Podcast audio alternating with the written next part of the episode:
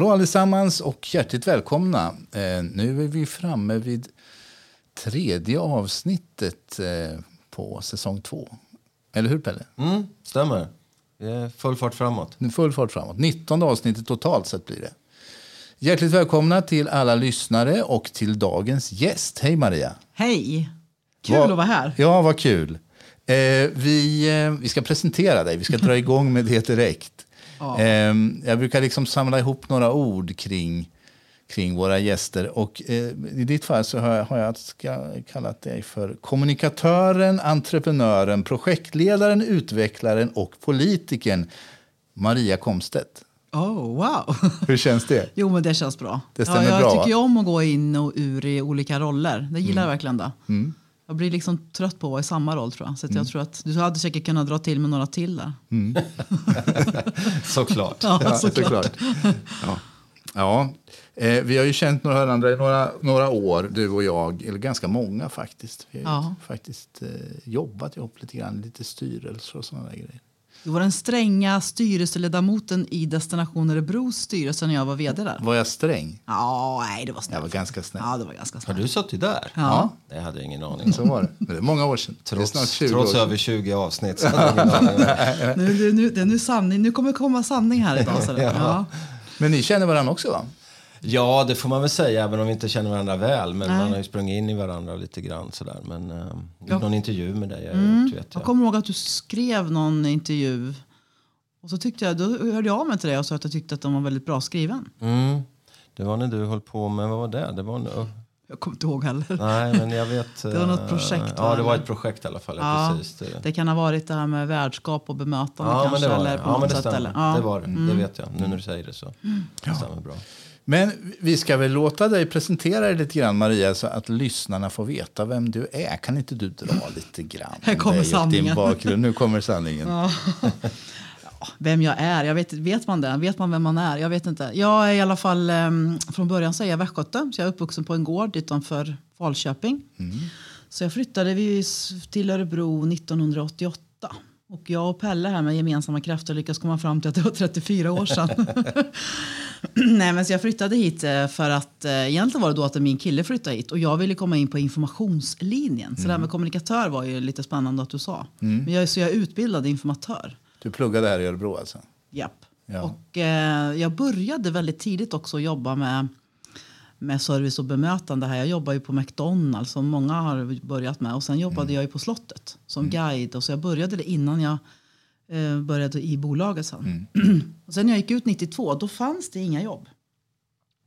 Och ingen visste vad en informatör var för någonting. Det var liksom det här spännande informationssamhället som låg framför oss. Och då, det var, Idag, idag är alla kommunikatörer. ja, precis. Och det är det enda vi behöver. Alla journalister som har blivit bortplockade, de är informa- eller så kommunikatörer istället. Ja, och det läste vi om. Ja, ja, Nej, nej, nej, så kommer det inte bli tänkte vi. Så här. Men vi läste liksom om hur det skulle bli framåt och att allting skulle bli underhållning och Mm, nyheter skulle bli underhållning. Och nu sitter man och tittar med förskräckelse på liksom hur även eh, politikerdebatter är som underhållning. Liksom, Mm. sådär. Ja, så det var det. Men Var det en ny utbildning då? Eller? den var jätteny. Den var så den fanns i Örebro och så fanns den i jag tror det fanns någon variant i Karlstad och i Jönköping. Så alla de som bodde i Stockholm som ville gå den här, de kom ju hit till Örebro. Då. Mm. Så att vi, men det var, en väldigt, det var en väldigt, väldigt rolig tid och väldigt mycket som jag lärde mig och en väldigt rolig klass. Mm. Som fick ganska häftiga jobb sen faktiskt. Men jag blev i alla fall turistchef sen. Mm. Så jag blev egentligen aldrig informatör, men jag blev turistchef och du satt i styrelsen och sen blev jag vd där på det bolaget som hette Destination Örebro. Så det höll jag på med i 14 år. Det var ju kul och utvecklande. Men sen eh, så kände jag att jag ville, ehm, jag vet inte, du var säkert med på det där. Jag, jag, jag tröttnade och jag tror alla tröttnade på mig lite också. Så att jag startade eget då. Och eh, kom ju på att min grej, som jag tror alltid kommer vara min grej, det är att jag är i, emellan det privata och det offentliga. Jag gillar väldigt mycket att utgå ifrån det off- offentliga och vara sam- jag brukar kalla mig för samhällsentreprenör. Det är ett annat ord. Men det, Ja, vi lägger till på listan. Ja. kan du skriva upp det? Nej, men så att, man, att jag tycker att det är viktigt att utgå ifrån Jag tycker samhällsnyttan är det viktigaste. Men jag tycker det är roligt att kunna göra saker på lite kreativa och nya sätt.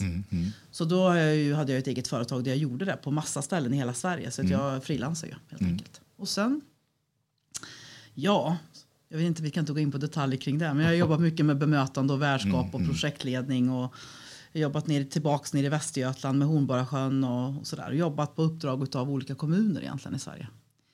Men eh, Och det gör du fortfarande va? ja, Eller, nu, ja. Mm, nu är jag fast anställd. Det är ju spännande. På heltid. det har jag inte varit på länge heller. Du är i Lekeberg eller? Ja, jag är i Lekebergs kommun som näringslivskoordinator.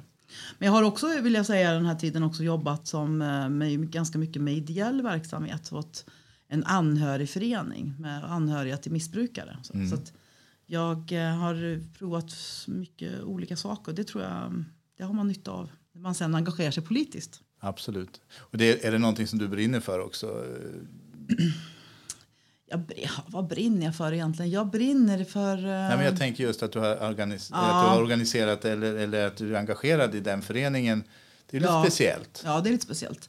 Men dels, dels så tycker jag ju också att det är mycket anhörigfrågor som hamnar eh, inte i fokus. Vi tänker väldigt sällan på, på anhöriga. Och det är ju en väldigt enormt stor grupp, inte bara till liksom missbruk utan anhöriga överhuvudtaget. Och jag tänker att om vi, vi, vi hjälpte varandra och var öppnare och det inte fanns så mycket ehm, vad ska man säga, att, att eh, ja, så mycket stig, stigma och så där kring saker och ting utan vi vågade vara liksom öppnare kring saker och ting så tror jag vi skulle ha ett mycket bättre samhälle. Mm. Ja, nej, så att eh, så, ja, jag vet inte vad man ska man säga mer. Jag, Nej, men det, det är jättebra. Det, vi kommer ju gå in på fler av de här grejerna. Men du är ju, du har, du är ju väldigt politiskt engagerad också. Ja. Och har varit, nu har du ju kört ett riktigt race här eh, eh, och faktiskt kandiderat till riksdagen.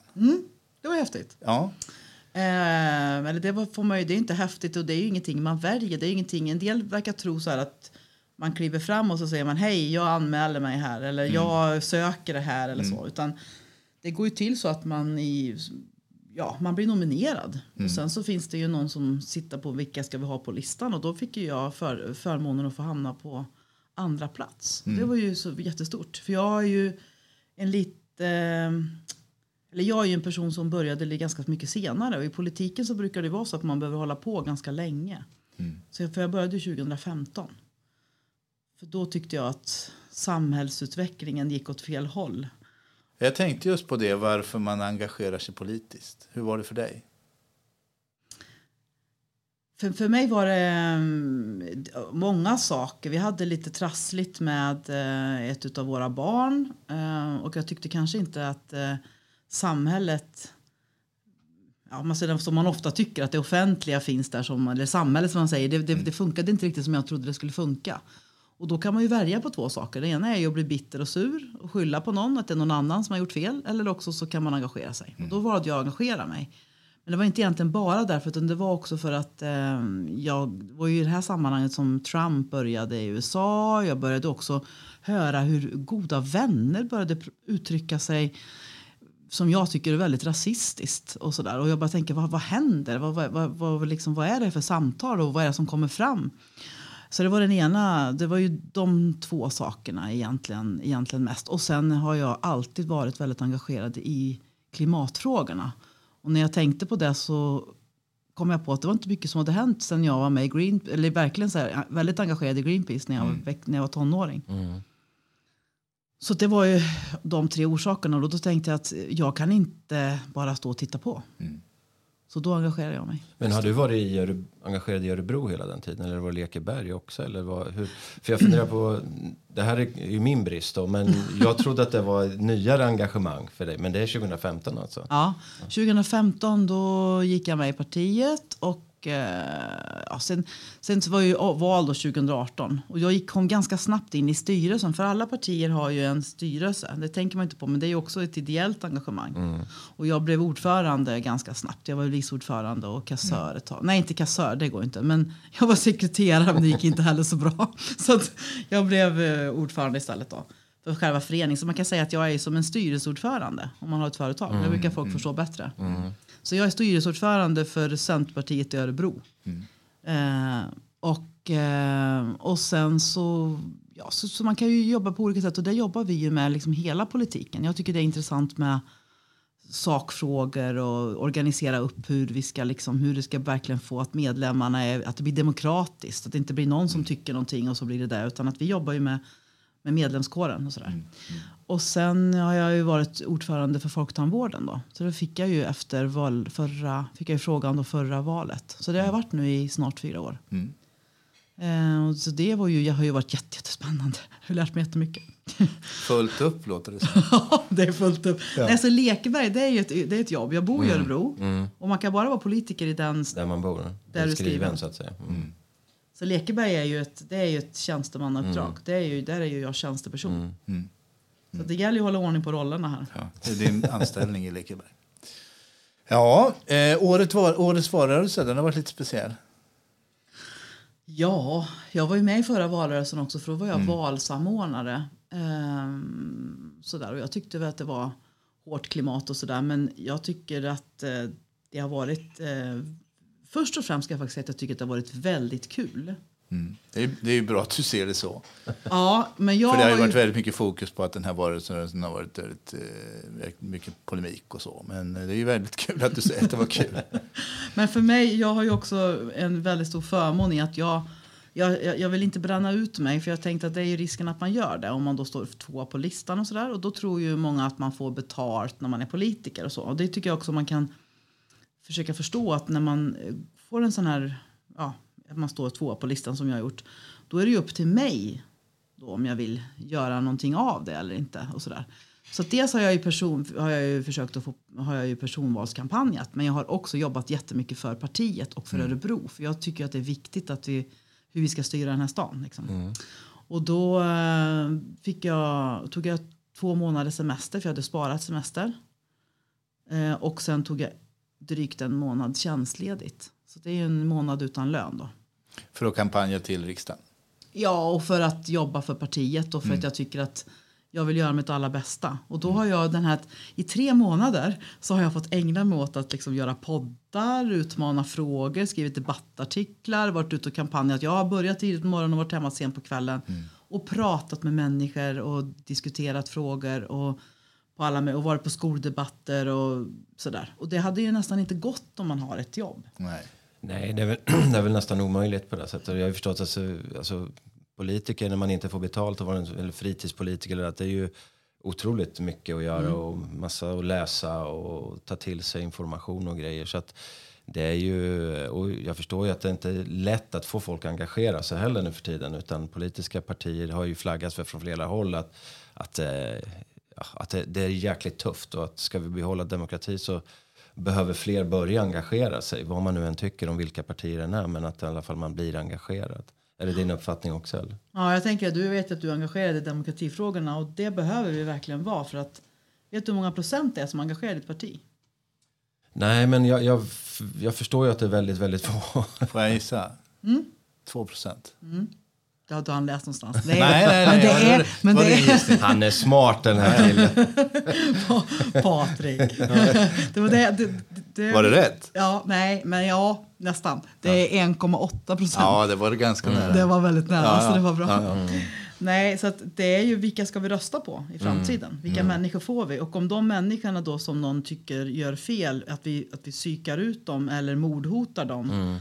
Alltså det är väldigt, väldigt sårbart. Så att jag menar, vi behöver verkligen vakna till när det gäller demokratin. Jag är jätte, jätte orolig för det.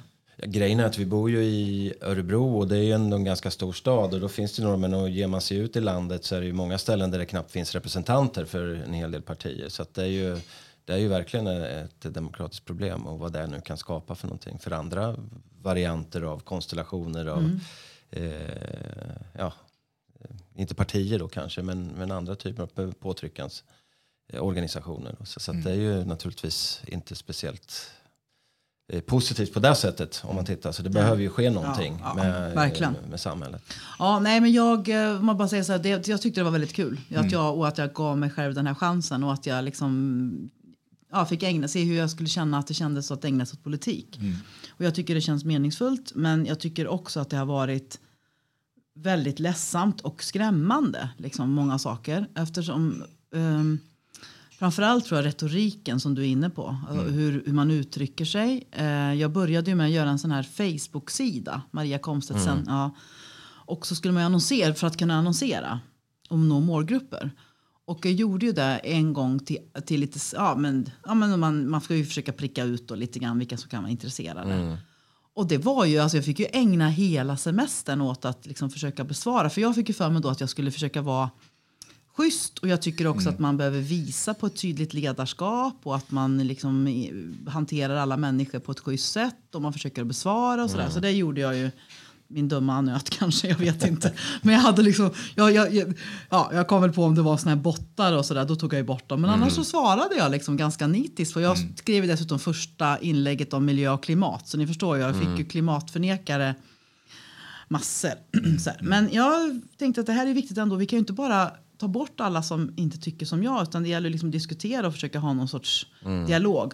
Men det blir ju så himla mycket hot och hat. Och Jag sådär. tänkte säga det var mycket oschysst alltså.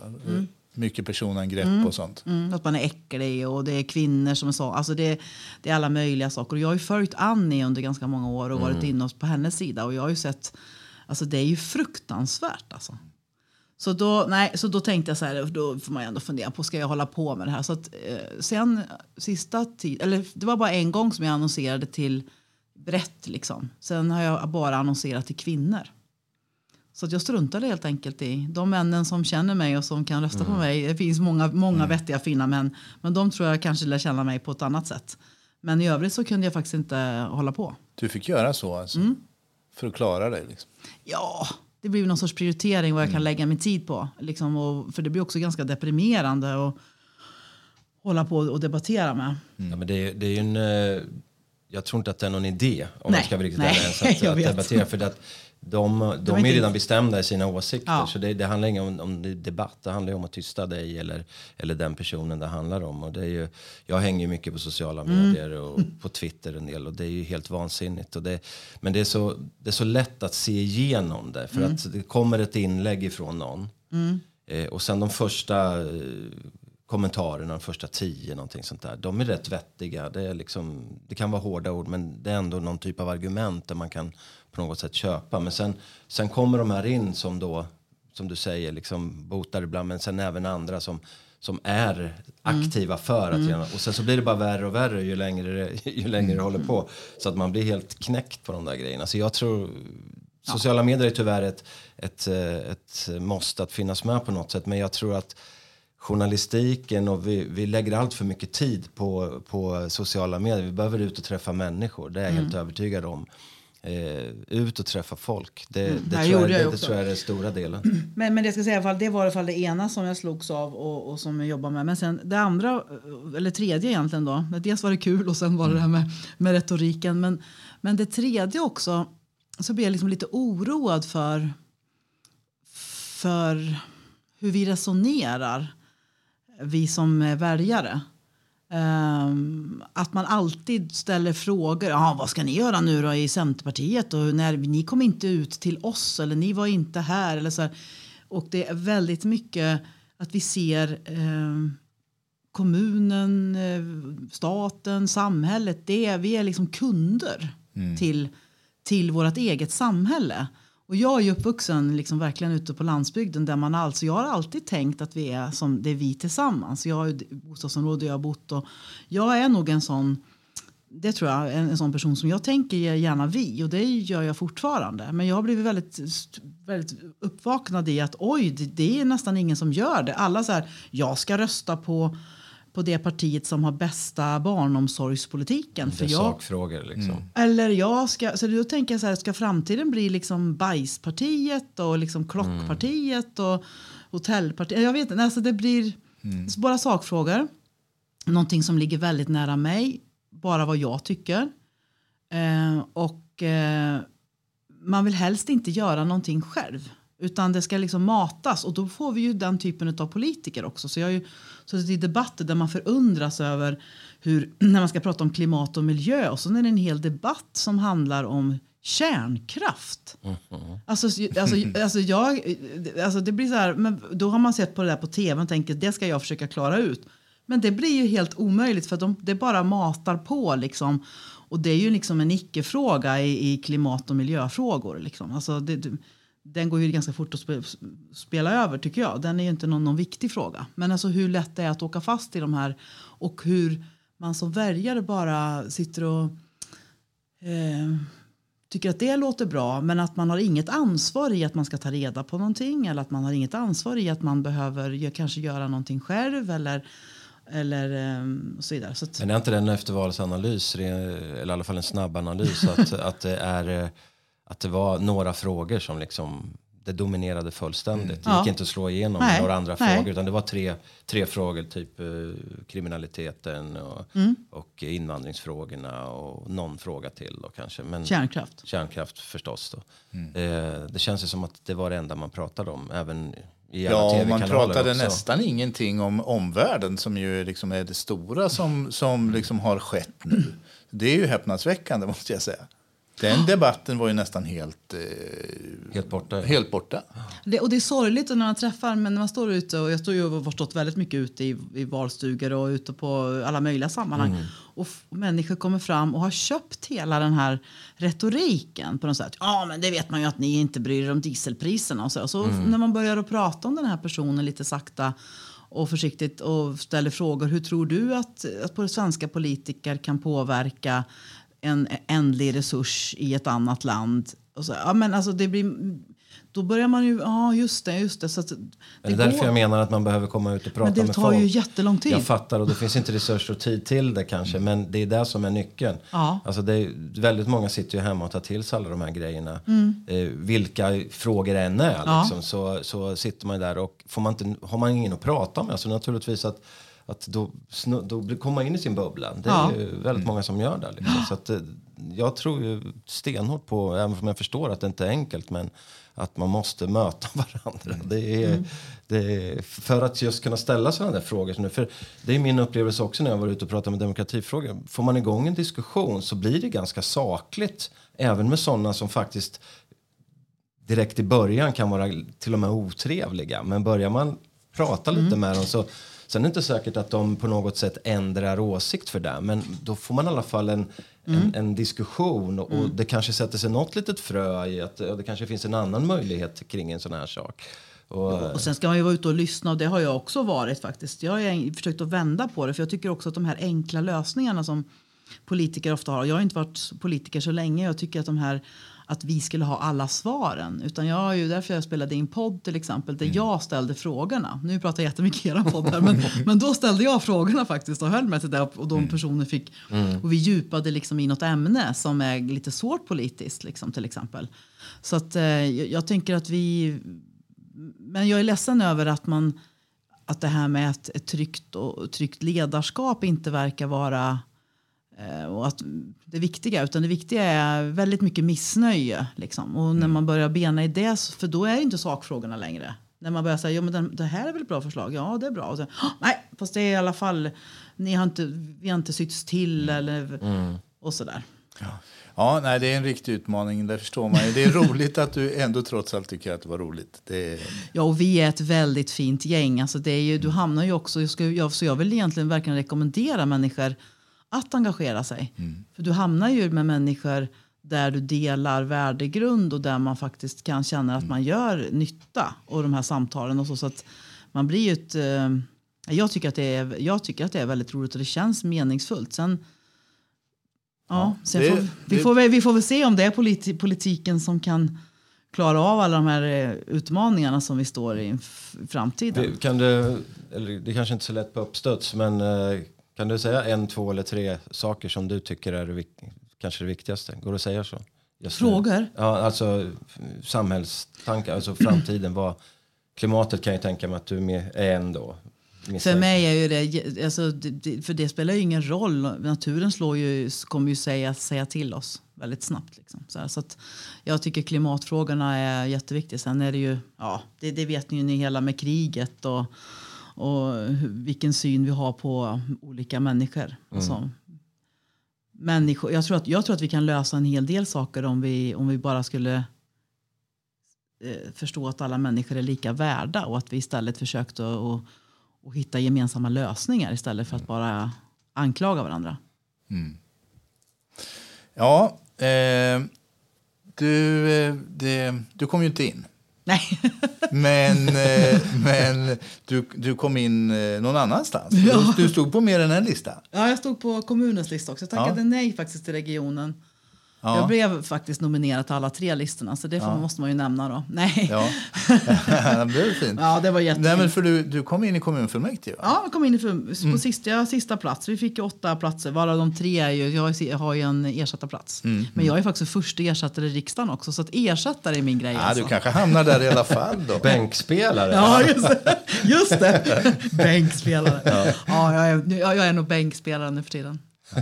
Ja, nej, men det är kul Ja, att höra. nej, men det, det ska bli spännande. Det känns ju viktigt eh, också. Och eh, som sagt var, vi är ju ett, ett bra gäng här och det är viktigt hur, hur Örebro ska ta sig an olika frågor. Det där med att det, att det är liksom ett, ett, ett nytt bra gäng och att man liksom får träffa många andra med samma värdegrund. Och, och den, det, är ju, det tycker jag är ett fint medskick eh, som kanske kan locka någon att engagera sig politist. Men du, du, ja. du, du har ju ett privatliv också. Jaha, ja. eh, jag tänker, har, har du några intressen? ja, det kan man fråga sig. Ja, under valrörelsen hade jag inte så många intressen faktiskt. Ja, det förstår jag. Det är väl allt man hinner med. Nej, men- är alla som är engagerade politiskt som jag har pratat med under de senaste veckorna har sagt, hörde du, hör av dig efter valet. Ja, ja. Nej, jag har nog alltid ganska mycket för mig. Sådär. Mm. Men eh, jag har ju också ganska mycket energi. Jag är, jag är otroligt tacksam för det. Jag Mm. är verkligen född med det. Det är liksom inget som jag... Folk undrar var jag får en energi ifrån. Jag vet faktiskt inte. Jag får energi, väldigt mycket energi av människor. Det är en otroligt stor tillgång. Det tycker jag. Det är all, nästan alla framgångsrika människor jag känner, de, de, de, de kategoriseras utav det. Det, det är gemensamt för nästan alla att de har en otrolig energi. Det förklarar en del. Ja, jo. Privat för mig. Ja, men du har mycket energi också då. Nej, Men du, men- du har lite hobbies eller? Ja, jag eller har lite, intresse? ja, jag har lite hobbies. Alltså, jag, ehm, jag försöker göra sånt som jag, eftersom jag har mycket energi och är väldigt ehm, gör allt snabbt och fort. Så säljer du elektricitet. nej, nej. Ja, det, ska, det, skulle jag, det kan bli. Det kan vara en sån här i, i vinter. Bara stoppa fingrarna i Ja, taget. exakt. Nej, men eh, så behöver man ju inte göra ändå mer av just det. Så att jag försöker att yoga ganska mycket. Mm. Och har hittat en jättebra yoga. Det är viktigt med rätt yogafröken. Mm. Men det jag gillar med det, jag är, jag är ju också ganska tävlingsinriktad. Jag blir Mm. mest skadad av det. Liksom, med knän och fotleder bryter jag och sådär. Mm. Så att jag tror fortfarande att jag är lika bra som jag var förr. I huvudet tror jag det. Och sen så upptäcker jag att oj, kroppen var inte Kan man tävla i yoga alltså? Nej, Nej, nej, nej, nej, nej. nej, nej, men jag menar, och då är yoga väldigt bra för att yoga Ja, är ja, ja. ingen tävling. Du gör det utifrån dina egna förutsättningar. Det är väldigt mycket andning som jag har haft oerhört stor nytta av eftersom jag dessutom eh, haft problem med stamning och röstlägen och sådär. Så att jag har ju, det har ju varit otroligt bra för mig. Mm. Eh, så det, det gör jag. Alltså det får man väl se som Men det är olika sorters yoga. Vad Ja. kör du för några? Jag kör hatta-yoga. Det är rörelse-yoga kan man säga. Och sen kan jag även köra yin-yoga där man stretchar ut ordentligt och sådär. Man blir stel som en pinne när man blir lite över 50.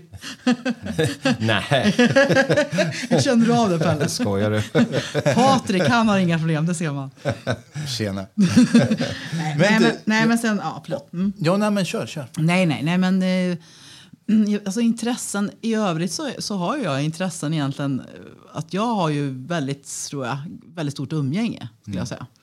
Och jag tycker om att göra saker, framförallt kultur och gå på konst och åka ut på kanske köpa. Jag tycker om att odla eller, och jag tycker också om att odla och så, men jag tycker om att köpa grönsaker och, och gå på kon, konstrunder eller ja, men jag går på teater gör jag kontinuerligt. Jag har ju spelat mycket teater när jag var förr, förr i tiden. Aha, en sån ådra också. I Örebro eller när du var yngre? Ja, när jag var yngre. Och sen så, så, eh, nej, när jag kom till Örebro så jag var ju teaterledare på Nya Teatern och sådär. Och sen så gick jag lite på sådana övningar och så. Men annars så var det när jag, när jag var, gick, bodde hemma i Falköping. Sen när jag flyttade till Örebro så blev jag ju ganska snabbt turistchef. Och då kändes det lite oseriöst. Det var svårt att vara ung tjej. Och så, skulle man, så verkar man inte spela man teater och så var man... Eh, nej, så jag, jag vågade inte göra det riktigt. Jag, jag, hade spex, jag spexade ganska Jo, jag med Örebrospexet var jag här i Örebro också. För jag, när jag pluggade. Okej. Men eh, Patrik känner inte till de här talangerna tror jag. Nej. Eller det är inga talanger. Jag, jag, får- jag, får- jag, jag, får- jag, får- det, jag tycker det var roligt. Man kan märka det Man kan, lite jag kan ha nytta av det. Ja, ja. Men du, får jag, får jag gå tillbaka till Ja. det? Jag tänkte på det här med yoga. Ja. Ehm, Jag är lite fascinerad, inte för att jag själv har hållit på. Jo, jag har provat en gång. Eh, jag trodde det skulle vara avslappnande och sådär. Det var ju fruktansvärt jobbigt.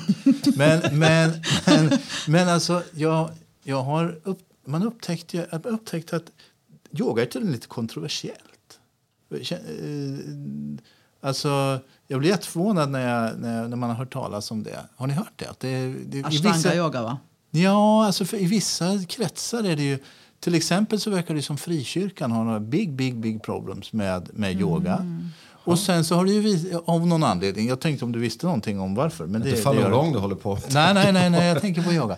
Och tydligen så är det också så att det, det finns några, åtminstone inom vissa typer av yoga, det upptäckte man ju under pandemin här, att det finns någon mysko-koppling mellan yogautövare och eh, Kanon och konspirationsteorier och, ja. eh, och eh, antivaxare och såna här grejer. Ja. Är inte det ja, jättekonstigt? Jo, men det stämmer det. Men det har väl lite med att yoga ibland kanske halkar in på det här lite alternativ, new age, new age alternativ. Ja. Jag tror att det är det som är, är grejen. Och det finns säkert vissa ja. delar av det. Som, men det var ju därför jag frågade dig.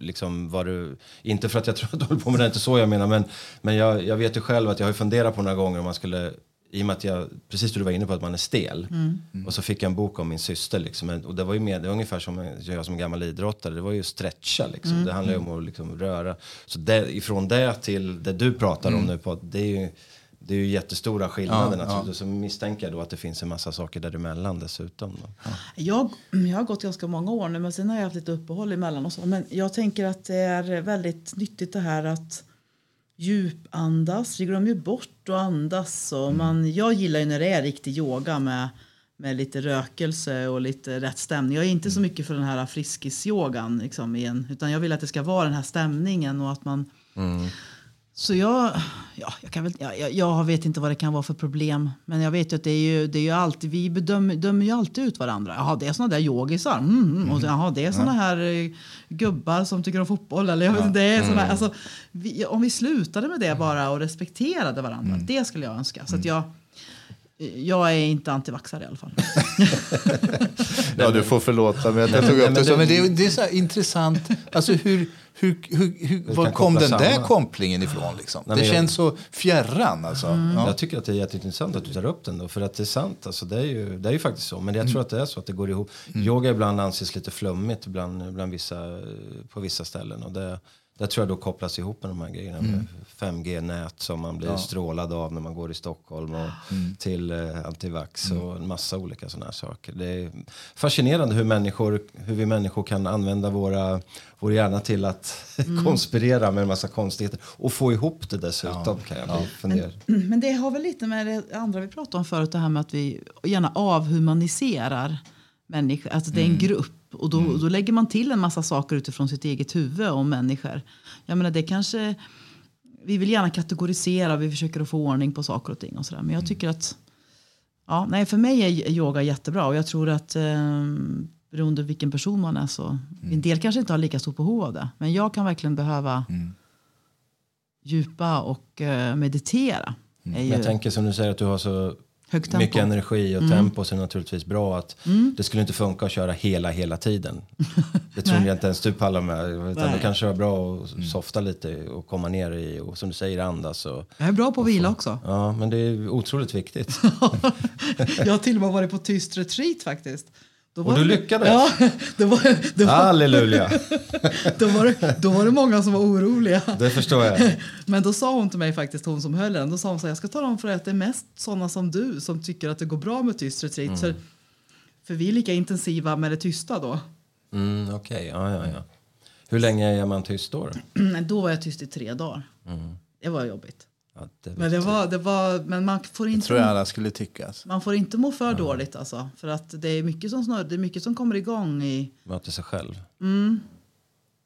Och inte så här, ha några poddar och inte lyssna på någonting och ingen musik och sådär. Nej, jag brukar prata med mig själv så jag tror det är svårt. När jag är ensam så pratar jag med mig själv. Så, att, ja. så jag tror jag skulle ha svårt att Det är bara att veta hur man, hurdan man är när man inte liksom har någonting att göra. Det tar inte mer än 15 sekunder innan man börjar fippla efter telefonen. Man ska in och titta på den om det har hänt någonting. Ja, jo. Det är sant, men då behöver man inte prata. Nej, Nej i och för sig. men, men jag tror att det där är också viktigt att tänka på. Alltså jag tänker på hur jag sa att människor kanske hanterar på, eh, som väljare. Eller så, där. så är det ju också med att vi har ju blivit som någon sorts beroendepersoner. Eh, med, antingen då så är det det här med telefonen som ska upp. och så här. Och Det var ju hon Helena von Schwarbeck som gjorde någon sån här... Eh, I Spanarna nu för inte så länge sedan så gjorde hon ju en sån, en sån spaning. Att, att hela, alla vi har blivit som, som beroendepersonligheter. Vi bara sitter och gapar och vill bara liksom bli vill ha mer och liksom, ja, sådär. Jo men det, är ju, det är ju, finns ju mycket forskning som helst på Ja. att, vi, att just telefoner är ju, och det vet jag, jag är ju beroende, det är helt klart. Och ändå, för, jag har aldrig på nätterna och sånt här, då kan jag lägga under, det är inga problem. Det är inte så att jag ligger med bredvid och tittar på nätterna. Så här, men, men när jag är själv på dagarna så ligger den ju bredvid. Och, Ja. och jag märker när jag, sitter och jobb, när jag sitter och jobbar och skriver och så här så plötsligt så tar man en kort paus och så tittar telefonen. Har det hänt något där? Ja. Eh, Ja, det hade det visst. Twitter, Facebook, eh, mail. Olika, man har ju olika mail på olika ställen. och Så, det är klart att det finns där. Och, eh, Nej, jag är precis likadan. men jag försöker emellanåt att lägga undan. Men, men helt klart, jag, det är ju, vi är beroende människor. Det är ju, samhället har väl byggts upp. Det är ju belöning. Är det ju. Hörni, vi, eh, vi går vidare lite grann. Eh, vi har ju en, brukar ha en musikavdelning i den här podden. Vi är ju rätt så musikintresserade. Pelle och jag är lite nördigt intresserade, om man säger så. Eh, Du, du sa när vi pratade om det här, du är inte riktigt lika nördigt intresserad, men du, är, du gillar musik. Nej, jag, det, det är faktiskt en sån här skämsgrej. Jag skäms lite för det här. Alltså, för att jag vill ju egentligen vara väldigt duktig och kunnig och så, men jag har ingen sån här nördig hjärna. Det går inte. Jag kan inte. Och jag tycker jättemycket om musik. Jag tycker framförallt väldigt mycket om att dansa. Nu har jag blivit lite mer begränsad, men, men jag har ju verkligen, älskar verkligen att dansa och röra till musik. Och jag tycker väldigt mycket om musik och all möjlig musik. Men jag har ju så svårt att komma ihåg vem, vad det var för låt och vilket eh, skivomslag som folk kan och vilket år och vad den sa och sådär. Så att, tyvärr, jag har, jag, har, jag har noll nördighet i mig. Jag vet ju att ni är väldigt, väldigt duktiga. Och då kan jag ibland bli så här att man, man Vi är håller lite snobbiga tyst. kanske Ja, ibland. ni är lite också. snobb. Nej, men jag, alltså, jag, min, eh, min sambo är precis likadan som dig. Alltså, Det är ju musik man blir glad av och dansar till. Eh, sen är det strunt samma vad de heter och vad grupp, vilken grupp det är. Det är skitsamma. Liksom. Så att, eh, jag känner igen det hemifrån. Men för mig är det Det har vi pratat om många gånger i det här programmet. Att jag blir glad av den ledsna låtar. och med melankolin så, så blir jag, får jag positiva känslor. av. Så att, Söker det konstnärliga. Men jag är så imponerad för jag, ja, kanske det. nej, men jag är ju tillsammans med Fredrik Verlander nu som, som du känner väl. Och så. Han är ju precis så här som ni och, och lyssnar på nya låtar på fredagar. Och är vi ute och åker någonstans och dyker upp någon låt, ja då har ju han laddat ner den sen och gjort någon... Ja, så så det är ju hela tiden. Så jag är, Du blir matad med musik ja, det är fall, så. jättehärligt. Så jag kan, jag vet knappt inte jag får på Spotify längre för det kommer alltid på så mycket bra musik överallt. Ja, ja, ja, nej. Så är det. Men du, du har en, eh, du har säkert flera, Ja. men vi, du nämnde en, en artist som eh, du, ligger dig nära om hjärtat. Mm, David Bowie. Ja. Och det var ju, eh, ja, jag, alltså jag vet inte egentligen när det började. Jag tror att det är så mycket för sådana som mig så blir det ju att det är någon som man eh, i tonåren som tycker om David Bowie och så lyssnar man mycket på det. Och jag hade ganska mycket killkompisar och sådär som, som gillade honom och vi har ju varit på ganska mycket, var ju på en del konserter och sådär. Och sen så... Har du eh, sett honom? Ja, ja, två gånger faktiskt. Wow, nu blir jag starstruck, för det har inte jag. Den här Glass by the Tour var vi på i Göteborg, men den blev ju ganska dissad på den här filmen nu som vi såg. Det var ju inte hans glansdagar tyckte de, men sen har jag, har jag också varit på, jag kommer faktiskt inte ihåg vad den hette, men vi har varit, jag har varit i Stockholm också en gång. Fantastiskt. Ja, nej, och sen var det så att när jag träffade min man då, som vi konstaterade att det var för 33 år sedan, Peter, han gillade också David Bowie. Så att, eh, därför, ja, så där möttes vi liksom med, sen Om tyckte man- han om om, om lite man- andra låtar. Om man nu ska välja en artist som man fastnar för så är det ju inte fel att välja just Nej. Det hade kunnat vara värre om man nu ska vara snobb som du sa. Ja, Alltså, det är det. Ja, han är fantastisk. vad, vad hade varit värre då? Nej, det vill jag inte plåga. Men, nej, men det, det är ju, alltså, han är ju, det är ju en av våra största genier i och med att han var så bred och så nyskap. Alltså, Han gick in i nya faser Mm. nästan, och nästan alla, ända in till sin död så regisserar han ju hela sin musik. eh, Alltså, de sista videorna han gör där är ju helt, när han försvinner in i någon låda och sen dör han. Alltså till och med det så är han med. så att det är, nej, Jag tycker han är, jag tycker han är fantastisk. Och som jag gillade just det där. Jag tänker också på det där med frihet. Och jag är ju liberal som du vet och sådär. Och jag tycker att han står mycket för det. Mm. Liksom. Här, att man får vara som man är. Och han, han, han drev ju ganska mycket med, jag tycker när han var Ziggy Stardust och hur han var Mm. med, med kläder och, och sådär. Mycket före sin tid. För mig var han egentligen två olika perioder. Jag har till och med pratat ett halvt avsnitt om honom. Eh, när jag var ung så jag kom i kontakt med honom precis som du Maria på grund av vänner. Och Det var en tjej som lyssnade på honom som jag var lite imponerad av som var ett par år äldre. Så att jag, hon brukade spela honom för mig. Hon skulle liksom visa mig David Bowie. Och, och, eh, så jag lyssnade en del på honom på, på 70-talet och 80-talet och sådär. Och, och eh, eh, det var lite, alltså speciellt hans 70-talsmusik, den var lite för komplicerad för mig på den tiden. Jag, jag tyckte kanske egentligen inte innerst inne att det var så bra, men jag kände ju liksom genom mina vänner att, var, att man borde tycka det, att det var kreddigt att lyssna på Bowie. Va? Eh, så egentligen var det liksom för mig, så han, han, han la ju av nästan ett helt decennium på grund av att han fick en infarkt 04. Sen kom han ju tillbaka som gubben ur lådan 2013, för nästan tio år sedan. På sin födelsedag då han, gav han ut en, en platta som, som ingen visste om att han hade spelat in. Eh, och, och, eh, så att han, och då, de här sista tio åren, det är då liksom som hans geni och storhet verkligen som har gått upp för mig. Så det behövdes 50 år av intellektuell utveckling för att förstå David Bowie. Eh, speciellt hans tidiga musik. Ja, jag läste ju en eh, biografi om honom för ganska många år sedan. Och det är det jag fastnade för att nu är det en person så jag kan ju inte säga att det, att det var exakt så det gick till. Men eh, hans tidiga karriär var ju liksom, det kostade väldigt mycket pengar. Han var inte direkt någon som drog in pengar. Han hade ingen kontroll över sin egen skivutgivning. Men sen någonstans, jag tror jag efter 70 och efter 80-talet, då, då plötsligt så blev han väl fri från kontrakt och så där så tog han kontroll över alltihopa. Och efter det så har han gjort jättestenhård kontroll över sin egen karriär någonstans. Så att, eh, jag gillade när jag läste det liksom, hur, hur han liksom tog tag i det som en entreprenör och verkligen planerade hur han, hans karriär skulle vara. Så att, eh, det tycker jag är häftigt också. Med. Han spelar sig själv sa, de ju, sa han ju i den här, fil, i den här filmen. Som, Ja, den, ska vi nämna den? Ja. Det, det har ju kommit en film. Ja, säger den du. tycker jag var jättebra. Ja, du har sett den. Jag såg den igår faktiskt. Eh, den, den, den, eh, Vart kollar du på den då? på Roxy här i Mm, Örebro. också. Okej, var det Den gick igår? där. Den gick igår. Den går igen. Igår, vilken dag? Du kanske ska säga det? Ja, Podden, förlåt. Det var, ja, igår var det söndagen eh, 25 Femte var det, ja, precis. september. Men den går igen i veckan här nu. Du får, du får kolla. Du hinner se den fortfarande ifall vi 28 lyckas eller? locka den.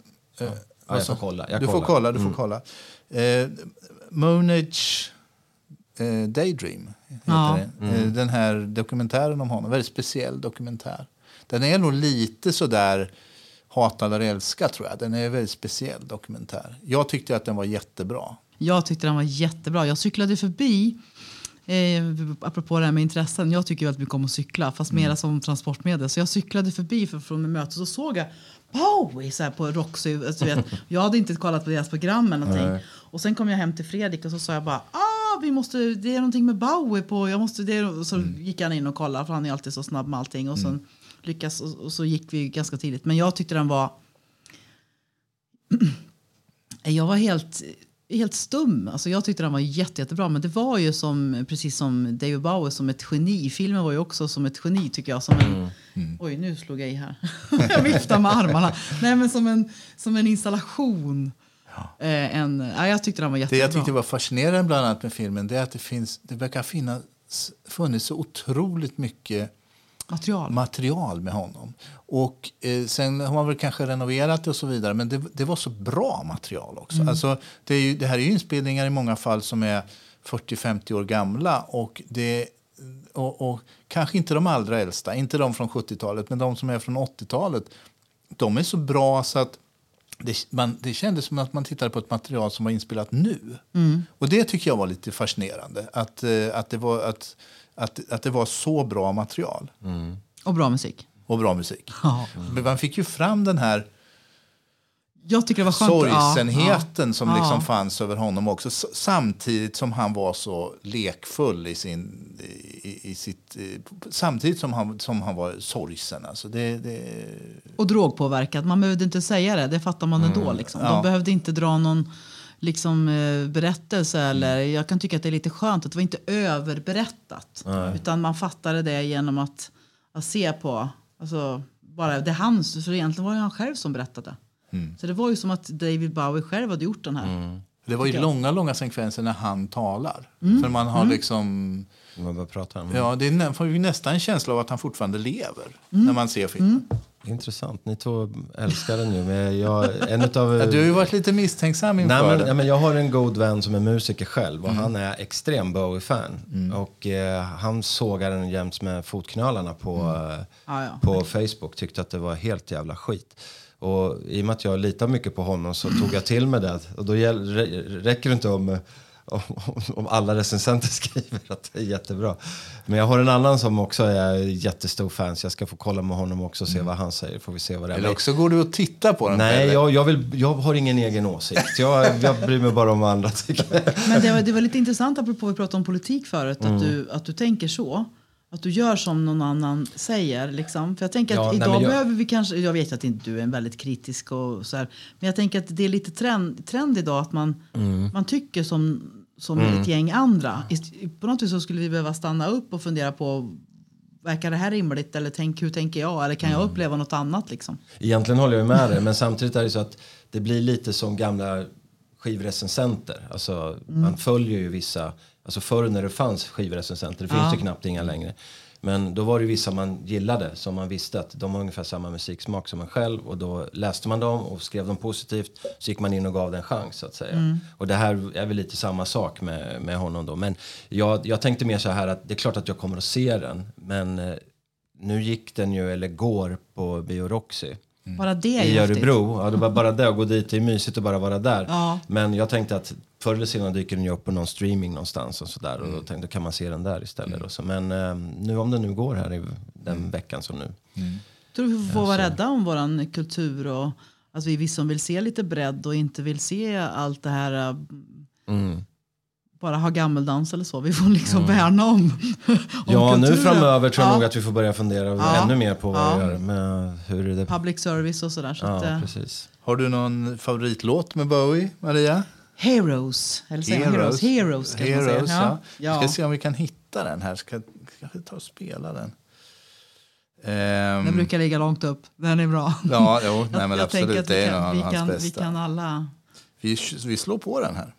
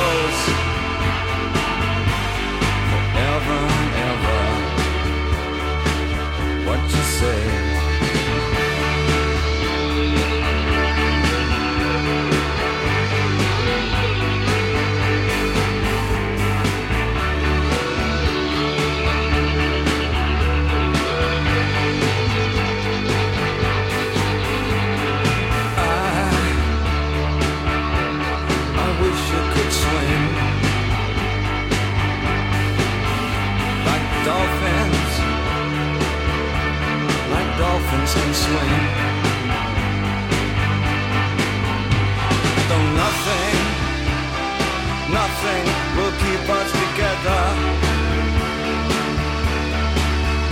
We can beat them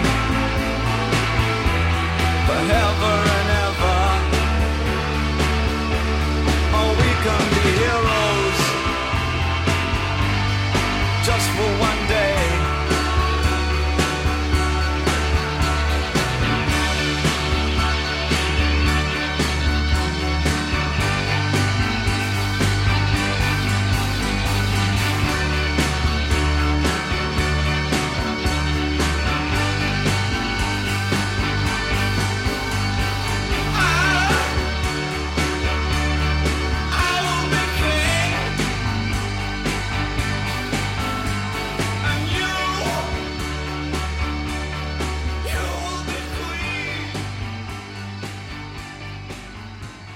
Ja, Maria.